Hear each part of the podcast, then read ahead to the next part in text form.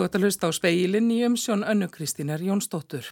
Við fjallum um landamæri Finnlands og Rústlands. Finnar hafa lokað landamærastöðum vegna sívaksandi ströms hælist leitenda austanað Pópulistaflokkum í Evrópu og Víðarvegs ásmein, professor í stjórnmálafræði, segir að nýlega kostningaúslit í Hollandi kom ekki óvart og ekki sé hægt að afgreða populista sem jaðar fyrirbæri.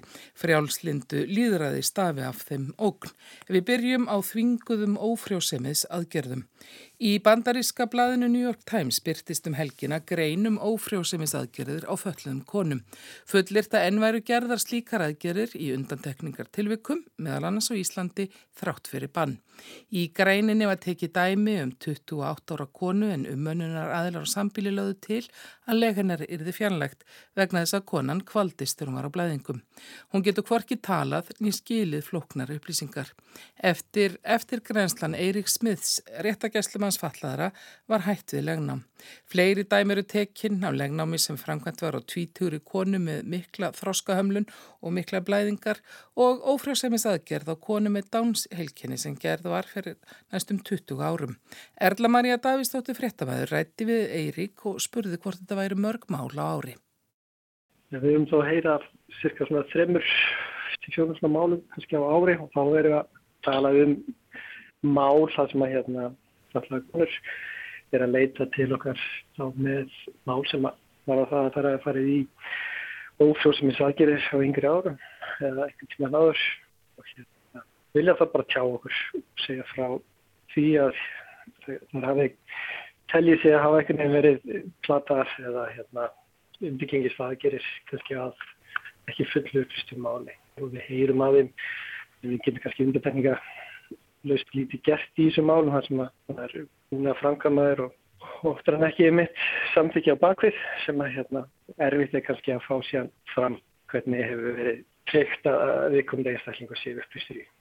En þegar það er komað til ykkar og er að segja ykkur frá þessu, er þetta svona, svona svolítið svipaða sögu sem þær hafa að segja eða hvernig greina þær frá því hvað allir því að þær fóri í þessar aðgerðar? Já, sögurnir er svona mestengist kemlíkar og svona þrjákunum minnstri. Það er fara til til að ungar á árum. Svo sem ég reynda að allir á segja hérna, tilöfn er að hvort þessi vitandi um, um tilöfn í sumum tilökum eru bara reyna að plata um að þessi aðgerir fyrir eitthvað annað.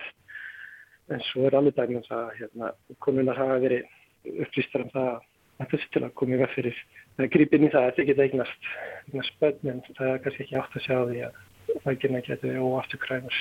Það er því að segja að það hafi verið plataðar eða eitthvað slikt, þetta er náttúrulega ekki aðgerið stjórnvalda eða neitt svoleiðis, þetta, þetta er þá náttúrulega miklu nær, nær heimahaugunum, þannig að eh, myndir þú segja Já. það að þetta sé náttúrulega mikið til þá hvað fjölskylda og ættingir að hvernig, hvernig svona metur það? Já, er félagsfrágjafur einhvern tilvægum, en þarna erum við kannski komin að merk svolítið málsins. Að þetta eru fjölskyldumál og þetta er oft ótrúlega erfið og flókimál og hérna alls konar blæbrið og núansar sem er í þessu málum sem að hérna sem eru ofta ekki þeirri reykjanleira eða hægt að flesta hendur á. Hérna bara að geta svona ákveðnar varfarni í þegar við nálgust þessum mál og þess að hérna, það er ofta en ekki lítill ykkur ásetningu það að alltaf konunum eitthvað ílt með því að leggja til þessar aðgerðis og hérna ofta en ekki einhvers konar hagsmunamatt um að þessi konunum fyrir bestu. Það er kannski ekki á færi fjölskyldunar að annast þeirra ábyrð að fara annars kynfræslu eða einhvers konar upplýsingagjöfum hvað tengist þessu málum eða þess, gæta þessi sérstaklega sjálfsákunar réttur kannan að sé hérna, viðkendur verndar og, og, og, og treyður í þessu ferli það er að höndum stjórnvalda og hérna þar lendi getur verið kannski ósangjart að fara að ætla fjölskyldunum einhvern ásendingu það að hafa alltaf brjóta á réttundum eða að fyrir með einhvers konar mannreitnda brjóta á á konunum eða þessum mistaklingum þegar ábyrðin er kannski meira einmitt á höndum stjórnvalda að hana þar gerðingar sem eru nöysilegar til þess að ekki það að þetta sé fullu upp í stákurinn og svo sannlega samræmiði sjálfsökunar fólksins í hverju sinni. Þannig að þú telur það að stjórnveld séu ekki að, að standa sig varðandi bara svona upplýsingaskildu og, og eru þá þessar ákvarðanir sem að konurnar taka þá í, í samráði við fjölsrákjafa eða fjölskyldumöðlumi séu hreinlega ekki nægilega vel upplýstar? Til allar við þurfum að vanda okkur betur þar, já. og einmitt tryggja það aðgengi fólks að upplýsingum sem treyður og eins þetta þegar kemur að því að, að, að reynir á löghafi sér einstaklinga þá sé að, að tekast á að samþykja eitthvað e, í sínu nafni að þessi er þá fyllilega gætt að, hérna, þessi er fullu upplýstar hvað er, er, er að samþykja.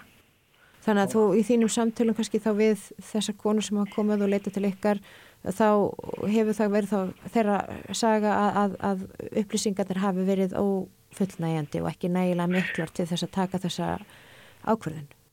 Já og hérna það hefur líka það bara vant að þessar gerðingar eða umgjörð í kringum kringu það fyrir að vera að taka svo ákverðin þess að þessi það bara fyllilega gæll og þetta sé kannski ekki skili eftir bara í höndum höndum fjölskylduna sem er kannski bara eins og segja, ekki alltaf urðu til þess að hérna geta vera að veita fólki þessar, þessar upplýsingar sko. Hérna, og kannski ekki endilega á þeirra ábyrg endilega, hérna við viljum það að alla fólk fái bara kynfröstlu eins og annað fólk. Og hérna henni hefur verið ábútt og vant gegnum tíðina. Og hérna eftir látið með kannski fjölskyldinni og hérna sem eru bara ekki sérfrængar í þessum málum. Þannig að hérna við viljum bara vanda okkur miklu miklu betur þegar kemur að umfjöldun og nálgun og miðlun upplýsingar varandi allt sem að lítur að kynverend fallast fólks í held og hérna geta þessa við verðum og við kynum kynverend þeirra eins og annars fólks og, og við tryggjum það hérna að við séum ekki að stígi inn í einhvers konar sjálfsvákunar rétt og inn í líka maður fallast fólks sért út frá okkar kumundum eða viljum eða skoðunum En ég menna þessi mál hljóta að vera eins og blasir við þér, ég menna þetta er ákvæmlega erfið mál að taka stáfið þá bara fyrir alla sem kom að því koma? Ákvæmlega erfið mál og hérna fjölskyldumál og hérna og sem slík bara mjög erfið fara inn á mjög persónuleg svið náttúrulega fyrstulega líka bara líka mig og kynverund sem er bara eitt af allra allra eh, mest prívat sem við getum komið af virkilega erfið mál og, og aldrei einhvern veginn hugmyndmanns að það sé einhver ríkur ásetningur í því að, að hérna, hjá þeim sem að leggja til, það sé að fóröldrum eða aðstandendum eða öðrum að, hérna, að ætla eitthvað eitthva ílt endilega, þetta er ekki hérna, einhver ásetningur það endilega að leggja til eitthvað sem að getur með beinum að þetta er ekki til einhver svona manginbóta hugmynda, heldur kannski einmitt, það er einhvers konar félagslegar eða, eða fjölskyldulegar ástæðan á bakvið, hérna fólk sjá sig kannski ekki fært að hérna fara að stiðja einstakling, fallaðin einstakling við að hérna alveg batna og annars líkt og þá komum svo sem aðurum þætti og það er kannski sem að vonandi stendur til bóta að það er þá stuðningu við fallaða fóröldra til að geta alveg upp að sem hefur verið svona ábúta vant eða svona skort á hinga til. Sagði Eiríkur Smith, réttargæslumæður fallaðara. Erla Maria Davísdóttir rætti við hann.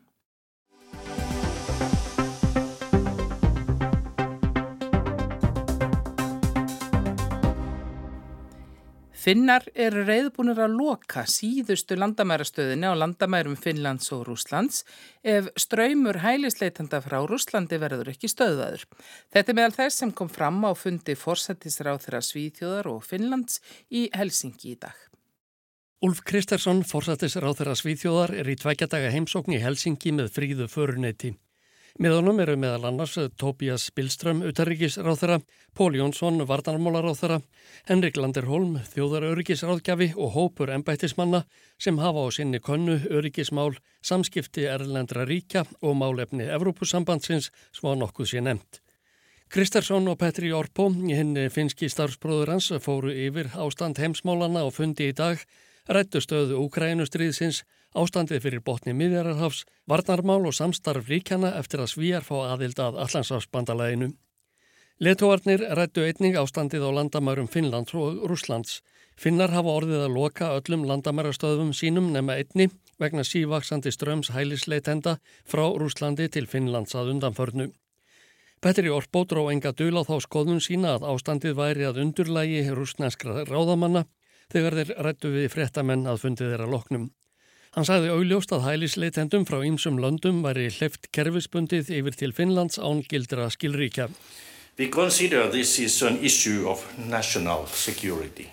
Við lítum á þetta sem ógn við þjóðaröryggi okkar, sagði Orpó og bætti við að rúsnæskir landamæraverðir aðstóðuðu fólki við að komast yfir landamærin.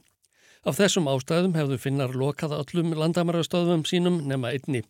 Ef nöðsinn krefur verður henni einnig lokað, sagðan.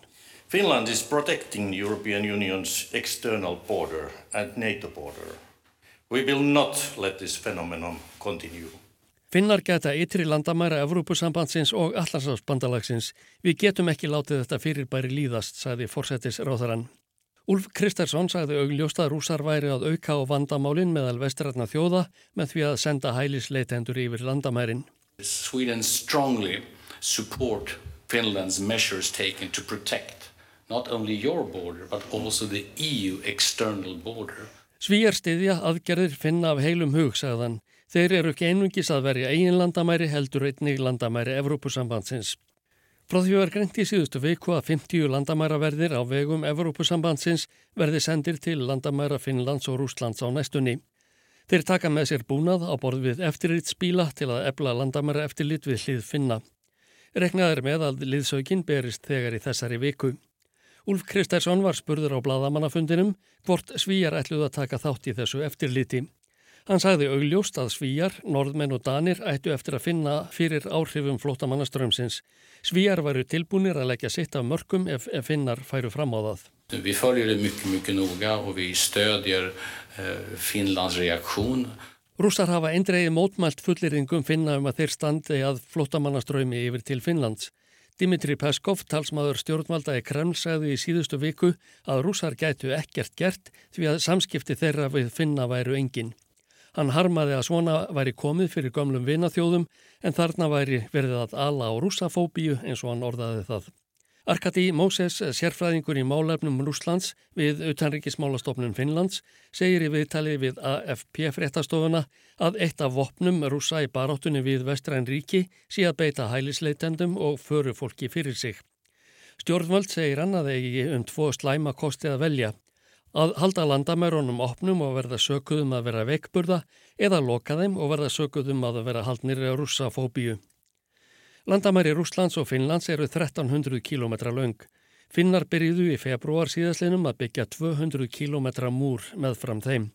Verkið sækist sent og einungist 3 km eru komnir upp. Meiri hluti finna vill að öllum landamærastöðum við austanverði landamæri landsins verði lokað ef ströymur hælisleitenda þaðan heldur áfram. Gallup-kannun sem gerð var í landinu nýlega sínir að þrýr af hverjum fjórum eru þeirra skoðunar að best sé að loka þeim alveg. Ásker Tómasson saði frá.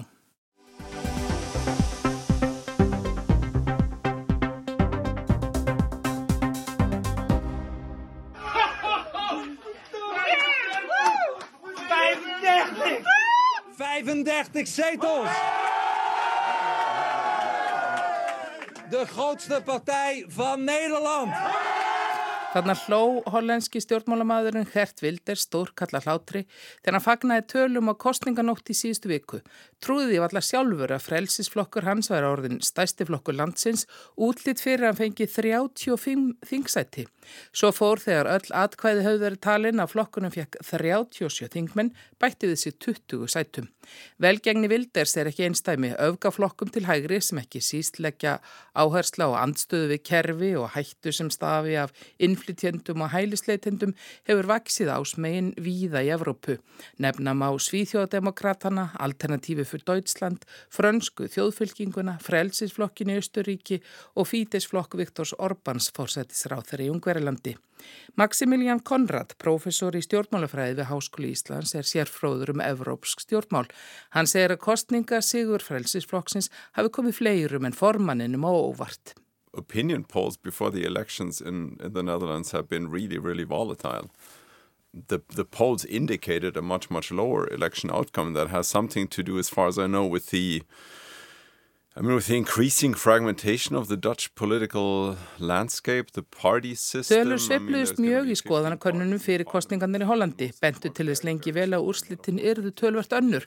Þannig skiptir máli uppbrót eða sundrun í flokkakerfin í landinu.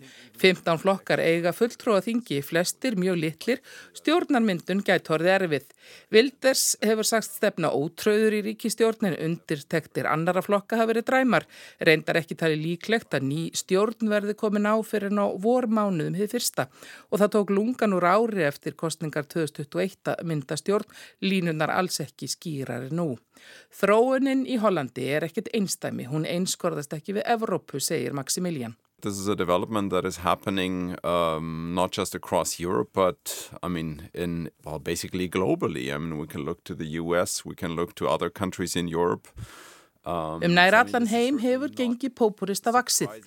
Þetta gerist víða í álfunni og í bandaríkjunum og þetta kemur ekki á óvart. Áhrifana gæti líka mjög hjá flokkum sem fyrir voru og hafa gert málflutning pópulistana og málefni jafnvel að sínum eigin. Það reynist mörgum erfitt að gangast við því að þessi flokkar eru orðin hluti af hennu pólitíska landslægi. You cannot disregard the fact that I mean 20% of the population vote for um, parties like this in different contexts. I mean, it is certainly something that, I mean, we, we cannot basically boil this phenomenon down to being um, a phenomenon that is happening on the, on the fringes, on the far right of the political spectrum. Það er ekki hægt að horfa framhjáði að 20% kjósenda velja þessa flokka. Ekki hægt að einfalda máli með að segja að það sé bara eitthvað sem gerist út á jæðurinnum, segir Maximilian.